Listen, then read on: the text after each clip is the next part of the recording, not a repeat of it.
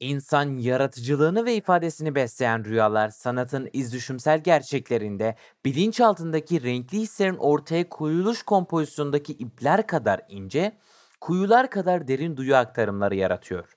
Bu düssel kuyudan sanatla çıkma güdüsü içinde bulunmak ortaya eşsiz eserler koyabiliyor. İmgelerin yaratımının en büyük ilhamı olup din ve mitlerin de beslendiği kaynaklar olan rüyalar, romantik akımla beraber kişinin kendi içsel ve simgesel yolculuğuna dair işaretler haline geldi. Mitolojik olgularında iç dinamizmlerine bakımından ruhlarla doğrudan ilişkili gibi düşünülen rüya alemi, anlamlar ve imgeler, semboller dünyasına dalmanın bir yolu olarak görülmüştür. Uyanık zihnin arzu, pişmanlık, korku ve hırslarına dair işaretlerin bilinçaltında belirdiği ve aralarındaki bağlantıların çözülmeye çalışıldığı ikinci bir dünya olarak yorumlanmaya başladı. Bu noktada rüyalar sanatın ve sanatsallığın doyumuna varmak isteyen yeni arayışlar, nükteler, eskide kalmış arkeik duygular ve yaratılar ortaya koymak isteyen sanatçılar için edimsel bir devinimdir. Sezgi ve cesaretin yeteneğiyle birleştirilen yer ve gök arasında olup bitenleri kendince kavrayıp yepyeni bir gerçeklik boyutunda işleyen, hayal kuran ve rüya gören sanatçı içinde yaşadığı zaman elbette yetersiz kalacaktır.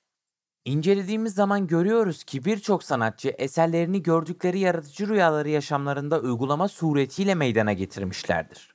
Samuel Taylor, Coleridge Kubla Khan eserini tümüyle rüyada hazırlamıştır. Voltaire, La Henriade eserini bir rüyası sırasında oluşturmuştur. Edgar Allan Poe hikayelerini rüyalarından ilham alarak yazmıştır. William Blake geliştirdiği bakır levhalar üzerine yazılı metni renkli resimlere benzeme tekniği rüyasında ölü kardeşinden öğrenmiştir. Giuseppe Tatani bir rüyasında bir müzik parçası dinlemiş, uyandıktan sonra bu dinlediği parçayı taklit etmeye çalışarak Şeytanın Sonata adlı eserini yaratmıştır. Sanatçılar içsel kimlik panoramalarının bayrağını çekebilmek için hayallerin ve bilinçaltının derinliklerine inebilen yaratım algısı aramışlardır. Çeşitli sanat dallarında rüyalara farklı anlamlar yüklenmesinin insanları her zaman çok etkilediği görülmektedir. Örneğin bu alanda modern resim sanatı rüyaların sembolik soyutlaşmasını edebi sürrealizmin eşdeğeri olarak Salvador Dali ve Marc Chagall ile ebedileşmiştir. Cinsel yaratıların baş ilham kaynağı olan rüyalar, sistemin dayattığı idealizm ve güzellik anlayışının dışında olanları görmek, gösterebilmek aynı zamanda sanatın amacının salt güzellik yaratmak mı yoksa aynaya tutmak mı olduğunu inceler.